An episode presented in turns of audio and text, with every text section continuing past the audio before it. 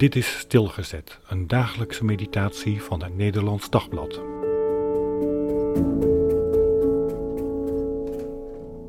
Hoop, 2 Samuel 3 vers 37.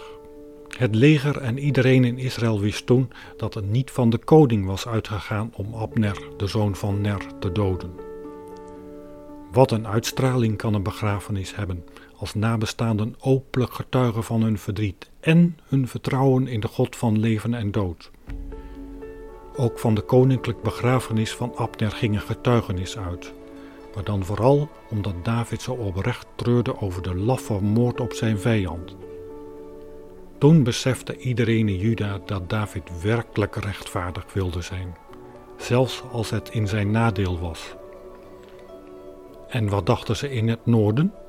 De moord op hun generaal was natuurlijk een geweldige schok en nieuwe haat leidde dan zomaar op. Maar toen hoorden ze dat David hem een koninklijke begrafenis had gegeven, dat hij zelfs klaagliederen had gezongen aan zijn graf. Begrepen ze toen dat David werkelijk uit was op vrede? Kregen ze toen nieuwe hoop